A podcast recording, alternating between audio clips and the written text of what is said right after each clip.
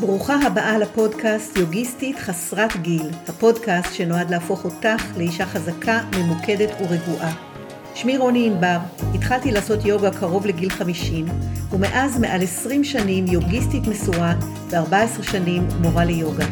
יחד נצלול לתוך הפרקטיקות, הסיפורים והתובנות שייתנו לך השראה לשמור על גוף חזק וגמיש, לסמוך על היכולות הפנימיות שלך ולנהל חיים בריאים וחיוניים, לאמץ את החוכמה שמגיעה עם הגיל.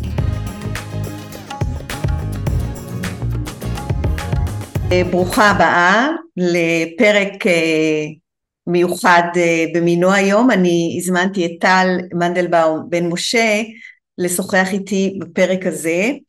טל היא אה, פסיכולוגית ומדריכה רוחנית, תכף היא תספר על עצמה עוד. ואני הזמנתי אותך כדי אה, שתשתפי בהשקפת העולם הייחודית שלך, שהיא מאוד מאוד עכשיו באה לידי ביטוי, במיוחד אה, בתקופה הזו, זו תקופה באמת מחרידה, כאילו האירועים שקרו לנו אירועים פשוט אה, מחרידים, זה זמנים שחורים שאנחנו לא, לא נפגשנו בזמנים כאלה, העם שלנו כן, אבל אנחנו עצמנו חיים פה כבר 75 שנה אמנם מלחמות אבל לא את הזוועה שחווינו והידיעה הזאת היא שהחיים לא יחזרו להיות מה שהם היו, אני חושבת שכולנו שותפים ב, אה, בהבנה הזאת ועל אה, זה הייתי רוצה שנדבר גם על הגישה המיוחדת שלך אבל לפני זה אם את יכולה קצת לספר על עצמך, טל. תודה רוני, אני מאוד שמחה להיות כאן, אה, קודם כל כי אני מאוד אוהבת אותך ואת מה שאת עושה ואת האנרגיה שאת מביאה. אה, וגם כי באמת אני מרגישה שכל כך חשוב אה, דווקא עכשיו, אה, לנוכח כל מה שקורה, כמה שיותר להרחיב את ההבנה שלנו, את המודעות שלנו לידע שהעם שלנו בעצם נושא בתוכו כבר אלפי שנים, שיכול מאוד לעזור לנו להתמודד ואפילו ממש לשנות את המציאות, וגם להרחיב את הלב ולהרגיש יותר ביטחון ויותר אה, אה, התעלות לנוכח אז, באמת... אז בעצם יש פה שני דברים. דבר אחד זה ידע, שאת אומרת שצריכים יותר לדעת אותו, ודבר שני את אומרת זה יחסים, זה מערכות יחסים, זה קשרים. אז בואי תספרי קצת על הרקע, כאילו איך הגעתי, איך כן. הגעתי לזה. Uh, מעניין כי גם אני הגעתי לידע הזה מתוך uh, משבר מאוד לא פשוט. Uh, תמיד הייתי סקרנית ותמיד הייתי ילדה כזאת בוחנת ומתבוננת ושאלתי שאלות אבל אף פעם לא קיבלתי תשובות.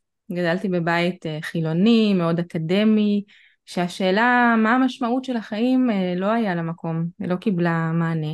וככה סחבתי איתי את השאלות האלה וגם כשהייתי בתואר הראשון לפסיכולוגיה שעשיתי באוניברסיטת תל אביב, גם מדעי המדינה, למדתי אז ממש אה, הייתי עסוקה בהסברה ויצאתי לעולם ומאוד חקרתי למה קורה לנו כל מה שקורה, מה, מה זה האנטישמיות הזאת, אמ, למה אנחנו לא מצליחים למצוא פתרון לסכסוך הזה כבר כל כך הרבה שנים, מאוד סקרן אותי וככל שיצאתי לעולם וחקרתי כאילו חזרתי עם אה, יותר סימני שאלה. כי ראיתי שהפתרונות לא קיימים ברובד שבו אנחנו חושבים, ברובד שבו אנחנו מנסים לפתור רגע, אני רוצה לעשות רגע, להפריע לך. אה, זאת אומרת שהנושא הזה של היהדות, כמישהי שבאה מבית חילוני, זה נושא ש... כי אה, אנחנו חיים ולגמרי מתעלמים מהבעיה הזאת, או מדחיקים אותה, או אפילו חושבים שהיא לא קיימת, היא נגמרה, הסתיימה, ואת אומרת שאת היית עם הנושא הזה של האנטישמיות, של שנאת יהודים, של זה, בתור ילדה כבר וגדלת עם זה והתבגרת עם זה, עם השאלה הזאת. כן, אני ממש זוכרת שזה משהו שנורא ככה נחרט בי, הרי כל שנה בבית ספר, יום השואה, ותמיד למדנו מה היה, ואני זוכרת עצמי בכיתה י', לא הפסקתי לשאול שאלות באותה שנה, כי כל הזמן למדנו על הנושא של השואה, ואני פשוט לא הצלחתי להבין. למה דווקא אנחנו, ואיך זה יכול היה לקרות, ואיך לא ראינו את הכתובת על הקיר, כי תמיד אומרים שהכתובת הייתה, והיהודים לא ראו, ולא רצו להאמין, וזה כאילו נגע בי באיזה מקום נורא נורא עמוק, והיה לי נורא קשה לא, אה, כאילו לתת לזה פשוט אה, להיות, הייתי חייבת לחקור את זה ולהבין למה. אה, ולא היו תשובות, אז כמובן המשכתי לחיים כרגיל. ו... כמו כולנו. כן, וכן, יצאתי למסעות הסברה וכאילו עשיתי את מה שחשבתי שנכון, ניסיתי להראות לכולם תראו אנחנו טובים, אנחנו כמוכם, אנחנו רוצים שלום ו... וראיתי שזה לא עובד, פשוט אף אחד לא שומע, יש איזה קיר, אותה אנטישמיות פשוט נמצאת שם מאחורי הקלעים. ואז הסימני שאלות הצטברו. ובתואר הראשון הזה גם באמת חוויתי את המשבר הזה שהתחלתי לספר עליו, שחליתי במחלה אה, לא קלה, והיא בעצם שברה לי את הקונספציה, זה היה כאילו הדבר ששבר לי את הקונספציה, שהחיים הם משהו בטוח, שהיא בעצם עינתה אותי עם הארעיות ועם חוסר הוודאות הכללי שאנחנו נמצאים בו כבני אדם. והמשבר המאוד גדול הזה, שבשבילי זה היה ממש אה, לא פחות מכל מיני משברים אחרים שהעם שלנו חווה, כי זה היה טיפולים וניתוח וכל הדברים שבחיים לא חשבתי בכלל שאני אצטרך אה, להתמודד איתו, אמ, בגלל שגם היו לי את כל ההכנות הרוחניות, אז זה דחף אותי עוד יותר. הבנתי שעכשיו אני חייבת למצוא את התשובות, אני חייבת להגיע לאחיזה אה, כלשהי במשהו הנצחי שבי. בפתרונות השאלות הקיומיות שלי כדי שיהיה לי כוח לעבור את זה ולהמשיך הלאה באיזושהי שמחה.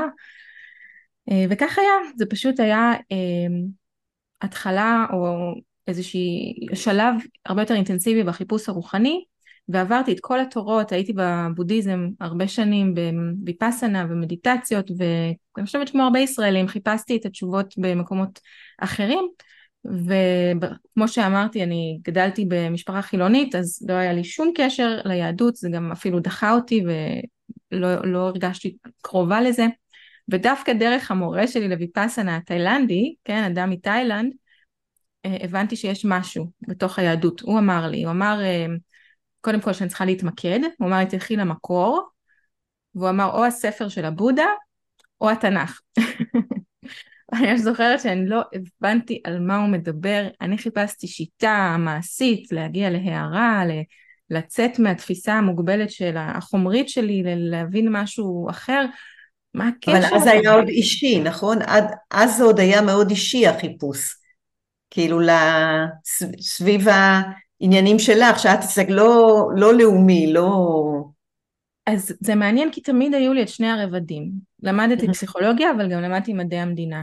חיפשתי mm. תשובות לאושר שלי ולמשמעות שלי, אבל גם היו לי את כל השאלות על האנטישמיות ועל הפתרון לסכסוך, זאת אומרת, אבל ברור שברגע שחליתי אז הייתי חייבת תשובות כאן ועכשיו למצב שלי, אז mm-hmm. באותם uh, זמנים זה היה לי מאוד מאוד ככה בולט השאלה הקיומית האישית. אבל כשהגעתי לחוכמת הקבלה והיא ממש הייתה ממש בתחתית של רשימת ה-to-do list, כן? היה לי רשימה של כל מיני דברים שרציתי לנסות, וניסיתי הכל, שמניזם ובודהיזם וטאו, וכל דבר קראתי שיכולתי, כל ספר שמצאתי בחנות ספרים. וכשהגעתי בסוף בסוף לחוכמת הקבלה, אז באמת הרגשתי שהיא עונה לי על שני הרבדים האלה, גם על הרובד האישי פנימי, וגם על הרובד החברתי, אה, מדיני, וגם עולמי. אבל איך הגעת לחוכמת הקבלה? כי כשקוראים את הקבלה, את הטקסטים עצמם, טקסטים מאוד לא ברורים, לא... נכון, נכון.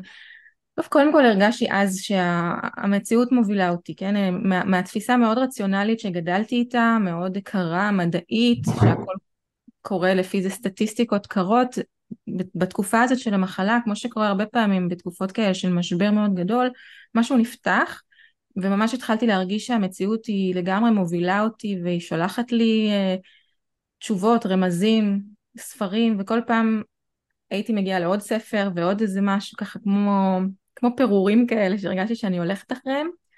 ואני ממש זוכרת שאז עשיתי דמיון מודרך וכל הזמן היה לי דימוי כזה שאני מחפשת את הדרך, אני מחפשת את הדרך מתחת לרגליים שלי שתוביל אותי. ובסופו של דבר באמת הגעתי אה, לחוכמת הקבלה, אני זוכרת שראיתי תוכנית עם המורה שאני לומדת אצלו היום, הרב אה, מיכאל לייטמן, ראיתי תוכנית בערוץ קרמה, ואני פשוט הרגשתי שהוא מדבר אליי, לכל השאלות שלי, למה שחוויתי, לדברים שכבר היו לי הכנות כלפיהם, ו- וככה התחברתי אליו, ומאז אני, אני לומדת אצלו כבר 15 שנה. שזה באמת אחרי uh, תהליך שעברתי מדבר לדבר, אבל ברגע שמצאתי את השביל הזה שחיפשתי, הוא כבר לקח אותי. ושוב, לא יכולתי ללכת לשום דבר אקדמי שאין בו באמת משהו מעשי פרקטי, לא יכולתי ללכת גם לדת שהיא יותר ממקום של להאמין למישהו, הייתי צריכה אה, שיטה, שיטה מעשית, וזה מה שמצאתי אצל המורה שלי ולכן נשארתי שם.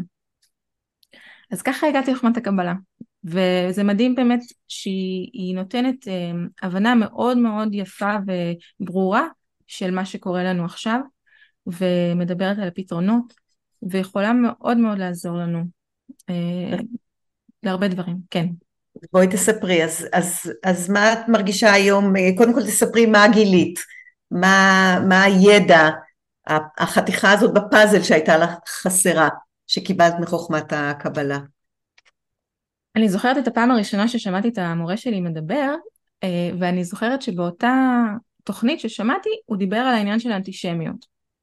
שבאותה תקופה זה פחות היה בפרונט של מה שחיפשתי, אבל השאלה הייתה בתוכי הרבה שנים.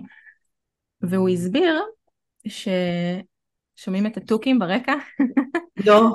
אה, יש, לי, יש לי תוכים והם צועקים עכשיו כי הבן שלי הגיע, אז הם נורא מתרגשים. אמ, אז הוא הסביר שאנטישמיות גם היא לא מקרית, אלא זה איזשהו חוק טבע שפועל, ושלנו כיהודים יש איזשהו תפקיד בתוך המערכת הזאת של האנושות, והיחס הזה שאנחנו מקבלים מיתר החלקים של המערכת, של האומות האחרות, הוא יחס מאוד uh, מדויק, כי הוא בעצם לוחץ עלינו לממש משהו שיש בתוכנו, שאנחנו לא מודעים אליו, אבל שאנחנו צריכים לתת לכולם, כמו איבר בגוף, שצריך לספק ליתר האיברים משהו מאוד חשוב, וכל יתר האיברים צוע, צועקים ואומרים תן לנו, תן לנו את, ה, את האור הזה, כן? האור לגויים בעצם, תן לנו את ה... תספק לנו, כי בלי זה אנחנו סובלים.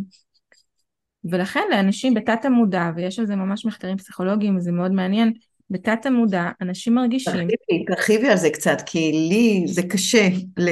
ואני למדתי קבלה, ועדיין היה לי קשה. אז, אז אם יש מחקרים, דווקא אני אשמע, אני אשמח... המחקרים?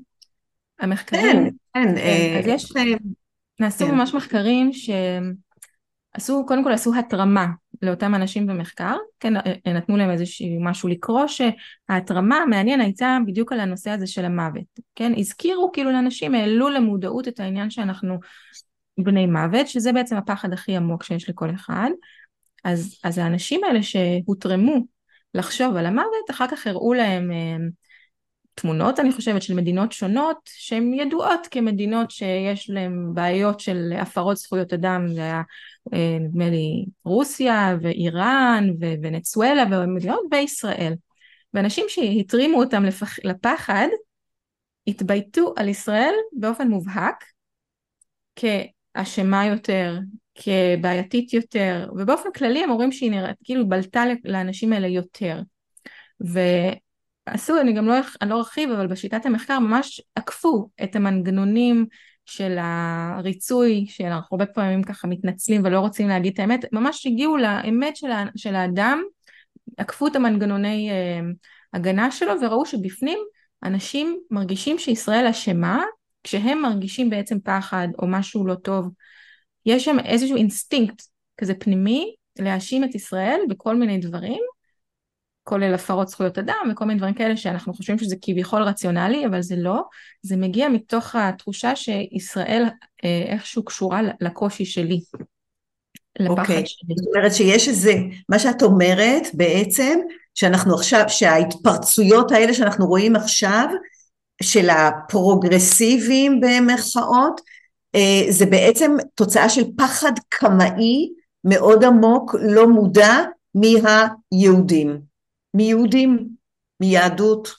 נכון, זה מאוד, מאוד מעניין, כי הרי אם זה באמת היה הדאגה שלהם לפלסטינאים, למוסלמים, אז הם היו כביכול צריכים לצאת לרחובות גם כשנרצחו המוני מוסלמים ופלסטינאים בסוריה, או בתימן, או מאות, מאות אלפי מוסלמים נרצחים כל הזמן, ואף אחד לא יוצא על זה לרחובות, אבל כשמדובר בישראל, כשמדובר ביהודים, זה מעורר בעולם תגובה מטורפת.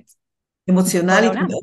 מאוד. את יודעת, היה עכשיו, עדיין אולי ישנו סרט דוקומנטרי על גם עוד לפני האירועים של השבעה באוקטובר, על, אה, על היהודים כמיעוט, עשה את זה מישהו יהודי, אני מאוד ממליצה לך לראות, ובין היתר יהודים דיברו שם על זה שלכאורה בזמן שלנו יש איזו פרוגרסיביות מאוד גדולה של קבלה של כל מיני מיעוטים, אה, טרנסג'נדרים וגם עניין של מיניות, בכלל יש איזה מין מכלילים, כוללים את כולם, חוץ מיהודים. נכון. עכשיו יש לזה גם כל מיני תירוצים, כי בעצם יהודים הם לא יוצאי דופן, כי בעצם יהודים, כאילו יהודים הם לא, הם לא מיעוט, וזה ממש סרט אה, מאוד אה, ככה מעמיק ו, ורחב ככה יריעה, שמראה כל הזמן איך בעצם גם כשעכשיו זו תקופה שאנחנו כאילו נגד גזענות, נגד באמת, יש פתיחות כן. מאוד מאוד גדולה, עדיין, אבל לא, יהודים זה משהו אחר. יצא עכשיו איזה סרטון מצמרר אה, על הנושא של זכויות נשים, שהרי כל כך הרבה נשים אה, נפגעו באירוע הזה נכון. בצורה כל כך נכון. מזעזעת, וכל ארגוני נכון. הנשים שותקים. שותקים. ארגון הנשים של האו"ם או של האו"ם שותק. וזה באמת, איך אפשר להסביר את זה? הרי נש, גם נשים, שזה נושא נורא רגיש בעולם, גם כל, כל, כך הרבה עדויות ושתיקה. כביכול, כשזה נוגע לנשים יהודיות, הכל בסדר, זה מגיע. אז אני באמת לא הצלחתי למצוא שום הסבר רציונלי לאנטישמיות, ויש כל מיני תירוצים, כן? גם המקובלים, אה, בעל הסולם כותב על זה, בעל הסולם הוא מקובל מאוד גדול שחי במאה הקודמת, והוא כותב על זה שההסברים שנותנים לאנטישמיות, לשנאה כלפי יהודים, הם, הם הרבה פעמים סותרים אחד את השני. יש ששונאים את היהודים כי אנחנו קפיטליסטים, יש ששונאים את היהודים כי אנחנו קומוניסטים. כל אחד מוצא איזושהי סיבה לשנוא יהודים, ואומר, הסיבות יכולות להיות כל מגוונות, אבל מתחת, לפני השטח בעצם קיים אותו רגש. וחוכמת הקבלה היא חוכמה שמסתכלת על הכל בצורה מאוד מערכתית, היא מסבירה את הטבע, את חוקי הטבע. וכמו שאנחנו יודעים להסביר את מערכות הגוף, כי זו דרגה יותר נמוכה שאנחנו יודעים להתבונן בה, חוכמת הקבלה היא יודעת לעלות ולהסתכל מלמעלה על, גם על הרובד האנושי כמערכת עם חוקים וסיבה, כן, סיבה ותוצאה ולהסביר למה הדברים קורים מתוך הבנת המערכת. וכתוב בזוהר שהעם היהודי, ותכף אני אדבר על למה דווקא העם היהודי, הוא ממש כמו לב בין האומות, ואפשר להגיד שזה כמו איזושהי צומת מרכזית בתוך רשת הקשר האנושית. ולכן כש... שאנחנו, כן, זה מה שבעצם העניין פה, שכשאנחנו, העם שלנו הוא מפולג ונמצא בשנאה פנימית, כי בסוף הכל זה מערכת של קשרים, כן, על, על זה הכל נסוב, עד כמה המערכת הזאת היא מקושרת בצורה טובה וחיובית, ועד כמה אנחנו מפרים את הקשרים. אז כשאנחנו העם היהודי, שזה בעצם המשימה שלנו, ואהבת לך כמוך, זה הכלל הגדול של התורה, וזה הייעוד שלנו לממש את זה, גם בן גוריון אמר את זה והרבה אה, כתבו על זה מהאבות המייסדים, כשאנחנו מפרים את החוק הזה, אז בתור הצומת המרכזית בתוך רשת הקשר של האנושות אנחנו בעצם משפיעים בצורה שלילית על כולם וגורמים לחוסר חיבור בכל יתר האיברים של הגוף, של האנושות, ולכן אנחנו מקבלים בחזרה את השנאה. זאת אומרת שאנחנו שונאים אחד את השני, אז שונאים אותנו. מצד אחד יש שיגידו מה זה לא בסדר את כאילו אומרת שאנחנו אחראים ו- ואיך את יכולה להגיד שאנחנו אשמים כביכול ב- ביחס שאנחנו מקבלים? אבל אני חושבת שמי שעושה קצת בתורות רוחניות יכול להבין את זה שהמציאות היא איזושהי מראה ודווקא כשאנחנו לוקחים אחריות על מה שקורה לנו אז אנחנו הופכים להיות כאילו זזים מהמקום של הקורבן והופכים להיות השינוי שאנחנו רוצים לראות, אנחנו לוקחים את המושכות לידיים שלנו, וזה נכון לא רק ליהודים, זה נכון לכל אחד. אני חושבת, ש... אני חושבת שהנושא הזה של אה, אה, כשאנחנו אה, משנים את עצמנו, זה טוב, זה נכון לכולם, לא רק ליהודים. נכון. יש פה חוקי טבע, באמת, יש פה חוק, חוקיות, ו, וגם העניין הזה של יהודי, גם רציתי להגיד קודם, שגם יהודי זה איזשהו, איזה, איזושהי אה, הגדרה רוחנית שיהודי זה מלשון ייחודי, שיש ייחוד עם הכוח העליון של הטבע, ייחוד בינינו, אה, שהכוח העליון גם זה לא משהו מיסטי, זה, זה פשוט הכוח ששולט במציאות, זה מה שאברהם אבינו גילה לפני אלפי שנים, אז היו בעיקר עסוקים בעבודת אלילים וחשבו שיש כל מיני כוחות שונים בטבע שפועלים עלינו והוא אמר לא, יש כוח אחד שפועל בטבע, איזשהו שדה אחד שהוא שדה של אהבה, של השפעה, כוח החיים וכל מה שקורה לנו זה רק תוצאות של ההשפעה של אותו כוח והוא לימד את השיטה הזאת וכתוב ממש במקורות שהתאספו אליו כל מיני אנשים מהשבטים השונים של בבל העתיקה הוא פתח אוהל, שרה פתחה אוהל והם לימדו. כמובן היו להם גם צאצאים, גם הם היו חלק מהחמול, מהקבוצה הזאת, אבל הקבוצה הזאת הייתה קבוצה רוחנית שהתאספה ולמדה את חוקי הטבע, איך להתחבר בינינו לכוח האחד הזה, והם הפכו להיות עם ישראל. ולכן אנחנו לא בדיוק עם רגיל, אנחנו במקור קבוצה רוחנית שממש התאספה כדי לממש מדרגה גבוהה יותר של קיום אנושי, שנמצאת בהרמוניה, בשלום, בחיבור עם הטבע. והיינו ממש נציגים של כל השבטים השונים, כי אז כל האנושות הייתה מרוכזת בבבל, וכל אחד הגיע משבט אחר, אז אנחנו ממש איזושהי, איזושהי נציגות של כל החלקים השונים. וגם היום אנחנו רואים את זה, אנחנו מיקרוקוסמוס, יש לנו פה בישראל מכל הצבעים, מכל התרבויות, מכל הסוגים, ולכן כל העולם בתת המודע בעצם מצפה שאנחנו נתחבר בינינו ואנחנו ניתן דוגמה של שלום, של שלמות, של יכולת להיות ביחד מעל ההבדלים, מעל הדעות, מעל כל הפילוג, שזה מה שהעולם בעצם צריך. אבל, אה, אבל טל, אה, בסך הכל, אה, אני, נכון שבתקופה האחרונה באמת היו פה חילוקי דעות מאוד מאוד גדולים, אבל אני חושבת שאחד הדברים שמאפיינים, אני לא יודעת אם את היהודים, אבל את הישראלים בטוח, זה גם סולידריות מאוד מאוד גדולה בסופו של דבר במצבים של חירום, במצבים של סכנה, גם מעורבות מאוד מאוד גדולה, בין היתר חילוקי הדעות האלה זה בגלל שלאנשים מאוד מאוד אכפת. כלומר זה לא כמו במדינות אחרות שיש אחוזי הצבעה נורא נמוכים, אנשים אה, בכלל לא אכפת להם ולא מעניין אותם, ולא, לא, פה יש באמת אכפתיות מאוד מאוד מאוד גדולה. אז לכאורה זה סותר, דווקא כן יש פה, נכון, רבים, רבים כמו במשפחה, רבים מאוד. כן. אבל זה לא עד כדי uh, שנאה, לאחרונה אולי כן, אבל לי באופן אישי קשה לקבל את זה שה... אולי זה נכון, אני לא יודעת, הוויכוחים שהיו פה קודם, לפני כן, זה מה שהביא את uh, פריצת הגבול המטורפת הזאת שהייתה פה, שפשוט פרמו אותנו. אז מה את חושבת על זה? כן. תראי, זה נכון שכשיש אסונות כאלה נוראים, אז אנחנו פתאום אה, יוצא מאיתנו החוצה, זה יוצא מאיתנו, זה קיים בנו. הערבות הדדית, האהבה, ההתגייסות, זה באמת דבר מדהים. אבל זה קורה רק אה, כשקורים אסונות.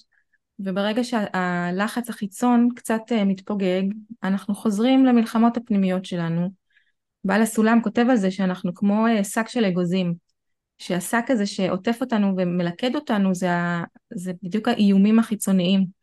ברגע שהאיומים החיצוניים האלה אה, מתפוגגים או, או נעלמים לרגע, שגם הם אף פעם לא נעלמו, הם תמיד שם, רק שכחנו, כאילו הדחקנו אותם, אז האגוזים האלה עם הקליפה הקשה הם, הם מתפזרים וככה מתנגשים אחד בשני. אז נכון, בפנים יש לנו נטייה לזה, זה, זה קיים בנו ממש ב-DNA, אבל אנחנו צריכים ללמוד איך לקיים את החיבור הטוב הזה מעל האגו שלנו. בעצם יש לנו אגו מאוד מפותח, הכי מפותח אולי, הכי גדול. ומה שהיה פה, אני חושבת, המחדל הזה, הוא בסופו של דבר תוצאה של אה, איזשהו ריקבון פנימי, של, של חוסר חיבור טוב בינינו. זה, הם גם אומרים את זה, האויבים שלנו אומרים את זה, שהם מסתכלים עלינו כל הזמן, והפילוג בינינו מחזק אותם ומעודד אותם ונותן להם, להם תקווה. אני גם שמעתי איזה מישהו אה, מוסלמי שממש גדל בעזה, שהוא אמר את זה שכשהיהודים מאוחדים, אז הם מרגישים שהם לא יכולים עלינו. אבל ברגע שיהודים לא מאוחדים, אז הם מרגישים שהם יכולים. זאת אומרת, הם בעצמם מדברים ככה. בעיניי, אני מוכרחה להגיד לך, בעיניי הם לא יכולים עלינו. היה פה מחדל מאוד מאוד גדול, אבל הם עדיין לא יכולים עלינו. ככה אני מרגישה. אני, קודם כל, יש לי תקווה בלב אה, שאנחנו כן נצליח, אבל יש לי גם הרבה פחד, האמת. כי אה. אני רואה שלמרות הכל, אנחנו עדיין חוזרים למקום של ההאשמות, ואני רואה בתוך המשפחה שלי קושי מאוד גדול להכיל דעות שונות, וכן, מה שאמרת זה נכון, זה שיש דעות שונות זה מצוין, וזה גם נכון. מראה על המעורבות, ובכל גם המסורת שלנו יש המון התפלפלויות ו- ושונות בדעות, וזה דווקא מפרה מאוד, וזה חשוב. זה, זה ממש מסורת יהודית, הוויכוח. נכון. כן. העניין הוא שחסר לנו ה- לשם שמיים, זאת אומרת חסר לנו המטרה המשותפת שתאפשר לנו למרות הוויכוחים להישאר ביחס טוב, ביחס של אהבה, ביחס של אני צריכה אותך, זה שאתה חושב כמוני, לא אחרת ממני, זה טוב כי אני צריכה אותך, אתה משלים אותי. ההרגשה הזאת שאנחנו משלימים, אנחנו שונים אך משלימים, היא חסרה. בין שמאל לימין הייתה ממש איבה, אנחנו הגענו למצב כמעט של מלחמת נכון, אחים. נכון, נכון, נכון, דיברו נכון. על היפרדות, זאת אומרת זה היה מצב מאוד קשה. אבל uh, בעצם את אומרת שהטראומה הזאת עכשיו, שלא הסתיימה, היא לא הסתיימה, אנחנו בתוך זה לגמרי, כן. בעצם היא, היא היא uh, סוג של הזדמנות uh, uh, לעשות איזה מין בדק בית פנימי כזה. Uh, נכון, תראי, אני שמעתי את uh, דוד uh, פסיג, אני לא יודעת אם את מכירה אותו. בטח, גם אני שמעתי אותו. אז הוא דיבר על זה, ש, שמה זה 75 שנה, זה כלום. לעומת ההיסטוריה שלנו כעם גם, עם נרדף, ו...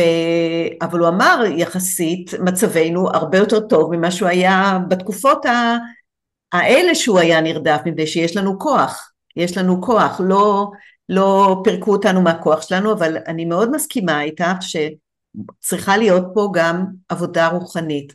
אז נכון. בהקשר הזה, מה, מה את מרגישה שה... השליחות שלך או המשימה שלך היום? מה, מה את עושה עם, גם עם ההבנה הזאת שזה נראה, כשאני מסתכלת ככה ב, בדף פייסבוק שלך, שזה ממש בוער לך בעצמות היום. נכון. מה, מה את עושה? מה... Yeah, האמת שאני כותבת כבר, התחלתי לכתוב בש... כל השנה הזאת שהיו את כל המאבקים פה בפנים, אז כבר הרגשתי שאני חייבת להתחיל לכתוב.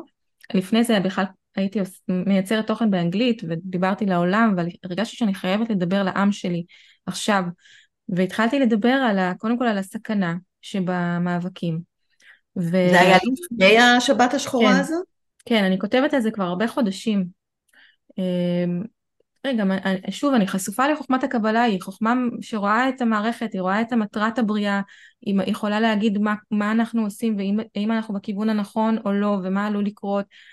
ולכן ההרגשה הזאת של הסכנה המרחפת, היא, הרגשתי אותה הרבה לפני שזה קרה. אני לא תיארתי כאילו שיקרה דבר כזה ו... מחריד, כן. כן, והאמת היא שגם שמעתי גם אמירה כזאת ש- שחס וחלילה יכול להיות הרבה יותר גרוע, ושגם זה סוג של נס שהיה לנו, שזה לא היה מכל החזיתות ומכל הכיוונים, נכון. ובאמת אה, קיבלנו זמן. שאלה מה נעשה עם הזמן הזה, ולכן אני מרגישה שהמשימה ש, שלי ושל עוד שכמוני זה כמה שיותר לכתוב, לדבר, ואני מרצה בכל מקום שמתאפשר לי ומדברת בכל מקום שמתאפשר לי על הכוח הפנימי שלנו, של עם ישראל, הנשק האמיתי שלנו, שיחד עם זה ש, שחייבים ש, לתת כוח לצה"ל ולחיילים שלנו, כל אחד מאיתנו צריך גם להתחמש במרכאות בכוח הרוחני. שהכוח הרוחני זה בעצם היכולת שלנו למשוך כוח חיובי מהטבע עצמו. זאת אומרת, המלחמה, המאבקים, זה בעצם תוצר של כוחות שליליים שמתחזקים במציאות מעל הכוח החיובי המאזן. ואנחנו, כשאנחנו רבים, כשאנחנו שונאים, כשאנחנו נמצאים במקום של, של שנאה, בקיצור, או האשמות גם, אז בעצם אנחנו מפעילים, מכניסים כוח שלילי לתוך מערכת הקשר בינינו והביטוי החיצון של הכוחות השליליים הפנימיים שלנו זה הכוחות השליליים שמתגברים עלינו מבחוץ בין אם זה ממש החמאס או השנאה כלפינו מהעולם. ולכן הכוח הפנימי, הנשק הפנימי זה להטעין את מערכת הקשר שלנו בכוחות חיוביים בחיבור, באהבה, בקבלת השונה, כן, הדעות השונות, בהתחברות מעל הדעות השונות לא למחוק דעות, לתת להם להיות, זה בסדר, אנחנו נכון. צריכים להגיע לפתרונות, אבל מעל זה להתחבק, להתחבק, כי כמשפחה. והדבר הזה, זה כוח ששומר עלינו, ויש מלא ציטוטים במקורות שלנו, שכשיש אהבה וחיבור ואחווה בתוך עם ישראל, אז שום פורענות לא יכולה לבוא אליו. כי אנחנו בעצם מחזקים את הכוח החיובי שבטבע, בחיבור בינינו, וזה מייצר איזושהי הגנה, זה מייצר איזון, ובעצם המציאות שלנו בנויה מרבדים. הרובד החיצוני הזה של המציאות הוא הרובד הכי נמוך, אבל כשאנחנו ב, ביחס הפנימי שלנו שואפים לאהבה ואחדות, אנחנו מתקנים דברים ברמה יותר פנימית, יותר גבוהה של המציאות, כן? האגו שלנו, הכוח השלילי הפנימי, יכול להיות שהוא פתאום יוצא החוצה, אבל אז אם אנחנו מתקנים אותו, אנחנו קוראים לזה אה, בחוכמת הקבלה לכסות באהבה. על כל הפשעים, לכסות באהבה. אז אנחנו עושים תיקונים ברובד פנימי, והם לא צריכים להופיע ברובד הגשמי, שאז זה מופיע בצורה נוראית קשה ושל ייסורים. אנחנו רוצים להעביר את כל התיקונים האלה, את כל השינויים האלה, כי הכל בסוף בא בשביל לעזור לנו להתקדם למטרה, שהמטרה היא חיבור שלם, אחדות, איזושהי רמת תודעה גבוהה יותר, אז את כל הצעדים שלנו למטרה אנחנו רוצים להעביר לרובד של יחסים בינינו, ובעצם לא להצטרך למכות הקשות בשביל להתקדם. אז בעצם זה לא משהו שהוא רק אגואיסטי ואגוצנטרי, כאילו איך אנחנו, שזה בסדר, כאילו זה, זה הישרדותי, כאילו אנחנו רוצים לשרוד, אלא בעצם מה שאת אומרת, אם אני מבינה נכון, זה שברגע שאנחנו אה, עושים את התיקונים הקטנים האלה ומכסים באהבה, זה, יש לזה משמעות מעבר לקיום של העם היהודי, יש לזה משמעות שהיא משמעות אה, כלל אנושית, כאילו זה עושה שקט במערכת כולה, לא רק במערכת שלנו. בדיוק, ו- וזה בדיוק מה שהעולם מצפה מאיתנו. הוא מחכה, הרי מה הם כל הזמן אומרים, זה שיגע אותי, אני זוכרת שהייתי יוצאת לעשות הסברה, וכל הזמן שמעתי מהם את המסר נכון, אתם צריכים להגן על עצמכם, אבל בלי, כאילו בלי להשתמש בנשק, בלי לפגוע באף אחד, תגנו על עצמכם, אבל תפסיקו לפגוע שם בחפים מפשע, שכאילו יש לנו... זה היו אומרים לך עוד לפני האירועים כן. האלה. כן, כן זה, וזה, וזה כאילו אמרתי, מה, הם כאילו מצפים מאיתנו לפתרון גבוה יותר, שנצליח לפתור את ענייני החומר באיזושהי, באיזה נס, כן, אז לא הבנתי. זה מאוד מעניין, זה מאוד מעניין, זה כאילו הם, הם אומרים, אנחנו מצפים מכם, לפתור את זה בדרך הומנית. נכון. נכון? כאילו נכון. אתם אה, אה, תוקפים אתכם, אבל אתם בדרגה יותר גבוהה תהיו הומניים, הומניים. נכון. כיוון שאתם בכל זאת מתגוננים עם נשק וכולי וכולי, אז שונאים אתכם וזה אנטישמיות ו- ועזה זה, זה מחנה ריכוז וכל נכון. מיני אמירות כאלה. ואז כשהייתי שומעת את זה, זה היה נורא מתסכל, כי אנחנו שנמצאים פה בש... במציאות שלנו, אנחנו מבינים כמה אנחנו משתדלים להיות הומניים, אבל כמה זה בלתי אפשרי בתוך uh, מלחמה עם, עם ארגון כמו חמאס. והבנתי ששוב, שהפתרון חייב לבוא מאיזשהו רובד אחר, והיום אני מבינה, קודם כל שאנחנו חייבים להגן על עצמנו, על זה אין שאלה, אנחנו לא הולכים נכון. להיות איזה, נכון. אה, איך לקרוא לזה, מרטירים כאלה, ש... לא, אנחנו לא. אנחנו חייבים אנחנו, להגן. אבל יחד עם זה... חיים. נכון. נכון. ו- אפילו. ביוגה, שמדובר שם על ההימסה, בדיוק היום ככה קראתי את הקטע הזה, מדובר על אי אלימות. ההימסה זה הערך הראשון ביוגה. דרך כן. אגב, יוגה זה חיבור. פירוש המילה יוגה זה חיבור, כן. חיבור, ריסון, זה, זה, מה זה, מה זה מתקשר לדברים שאת אומרת, רק אה, היוגה לא מדברת אה, כל כך במונחים לאומיים, היא לא, היא לא מדברת על לאום, היא מדברת על אה, עבודה אינדיבידואלית שבן אדם עושה עם עצמו. נכון. אבל היא מדברת על חיבור. והדבר אה, השני, ההימסה, אז גם הפרשנים יוגים אומרים, יש כל מיני רמות של ההימסה, של אי פגיעה, ולקצור דשא זה לא באותה רמה של להרוג מישהו. ולהרוג מישהו סתם זה לא באותה רמה של להרוג מי שבא להרוג אותך. כאילו יש דרגות של ההימסה, עדיין יכולות, יכולים להיות לך עקרונות של אי פגיעה, אי אלימות, ההימסה, אבל אם תוקפים אותך אתה פוגע, אתה פוגע, אם אתה רוצה לא לפגוע לגמרי לגמרי בחיים אז אתה פשוט צריך להיות לא חי. נכון, כאילו, נכון, ו- וזה בדיוק כך, קודם כל זה, זה יפה, כי באמת כל התורות המקוריות הן מדברות על אותם דברים. אגב, גם באסלאם יש את הסופיזם, כן, שגם נכון, מדבר נכון, על אותם נכון. דברים. ולכן, שוב, ככל שאנחנו נתחבר לתורה המקורית של חוקי הטבע ואהבת לך כמוך, שהיא חוכמה אוניברסלית לחלוטין, וגם כמו שאמרתי קודם, יהודי זה רק הגדרה רוחנית, כל אחד יכול להיות יהודי, במובן הרוחני, וגם כן. אברהם הוא בעצם כן. קרא לכולם, אברהם קרא לכל האנושות, בואו אליי, בואו נלמד איך להתחבר מעל האגו, ומי שבא אז הפך לעם היהודי, אבל השיטה, החוכמה היא שייכת לכולם והיא מיועדת לכולם, וגם הרבה חוכמות אחרות מדברות על אותו דבר, אז העניין הוא באמת לקנות לעצמנו זמן, להגן על עצמנו בצורה מאוד מאוד uh, חד משמעית, כדי לקנות לעצמנו זמן להביא את הפתרון האמיתי. שהפתרון האמיתי הוא הרבה יותר עמוק, הוא קשור ב... שוב, להוריד למציאות שלנו את, ה, את הכוח החיובי, שזה גם תודעה גבוהה יותר של חיבור מעל הבדלים, שזה השלום האמיתי, וזה משהו שעוד אנשים יצטרפו אליו מכל הדתות, מכל העמים, שאני גם יכולה להגיד שאני לומדת ביחד עם אנשים מכל הדתות וכל הלאומים, ומתחברים בצורה מדהימה, גם מטורקיה, מוסלמים מטורקיה, שאוהבים את ישראל כתוצאה מהלימוד הזה, ויש גם פה ערבים ישראלים שלומדים איתנו, ויש באיראן תלמידים. זאת אומרת, אנחנו כעם ישראל, הנשק שלנו האמיתי, זה להביא את השלום האמיתי לעולם, להוריד אותו לעולם, וזה יהיה הפתרון הארוך הטווח. ולזה באמת כל העולם מצפה בתת המודע. בשביל זה נתנו לנו את המדינה. כן. מעניין, מעניין, מעניין.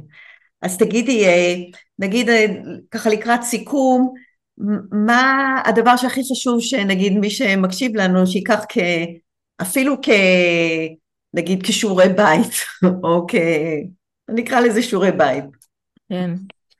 אמ, אז קודם כל, אני חושבת שהדבר הכי חשוב זה לזכור באמת שהאחדות שלנו זה הכוח שלנו.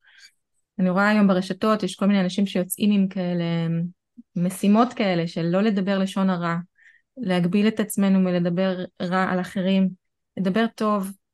זה מקסים, זה כן. מקסים, אני רואה את זה גם, אני רואה את זה גם, אנשים נורא נזהרים באיך שהם מדברים היום, הרבה יותר, ממש, כן. השפה השתנתה, ו... ככה אני מרגישה.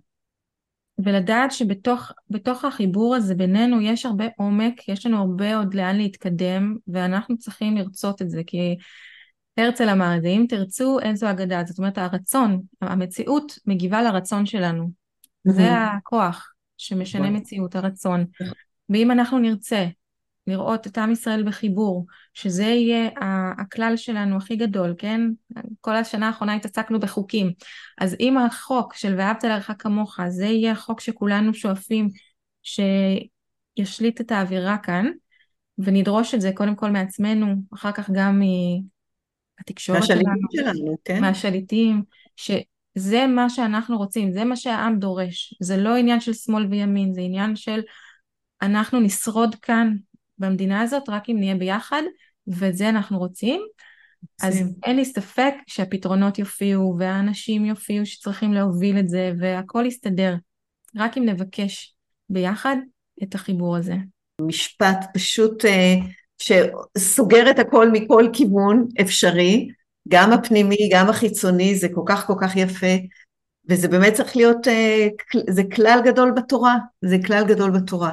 שכולל את הכל, נכון. הכל, פשוט כולל את הכל וזה מקסים. תגידי טל, ואיפה אפשר, אם מי שרוצה לשמוע אותך עוד וכולי, איפה אפשר למצוא אותך? אמ, אני חושבת שבפייסבוק שלי זה הכי טוב, טל מנדלבאום בן משה, בפייסבוק, אה, כותבים את זה באנגלית ואני מפרסמת שם את כל ה... גם פוסטים וגם איפה אני מרצה ו... ובכיף אני אשמח אה, להתחבר ולשוחח עם כל מי שירצה. יופי, נהדר. וואו, תודה רבה, זה היה ממש אה, מאלף, מאוד מאוד מעניין, ואנחנו נתראה עוד, אנחנו מתראות. בטח, נמשיך להתראות, ואנחנו ביחד כל הזמן, כל הזמן. נכון. תודה רוני. אז אני... אה, תודה שהאזנת. כאן רוני ענבר, ובזאת סיימתי עוד פרק של הפודקאסט יוגיסטית חסרת גיל. נתראה בפרקים הבאים. אני מזכירה לך שאפשר להצטרף אליי לשידור חי בימי ראשון שבע בבוקר אצלי בדף הפייסבוק, שם גם יש קצת תרגול יוגה. חפשי רוני ענבר ותמצאי בקלות. ממליצה לך גם להיכנס לאתר שלי, שם יש המון חומרים נוספים ומידע על מה שאני עושה בימים אלה. ניפגש בהמשך.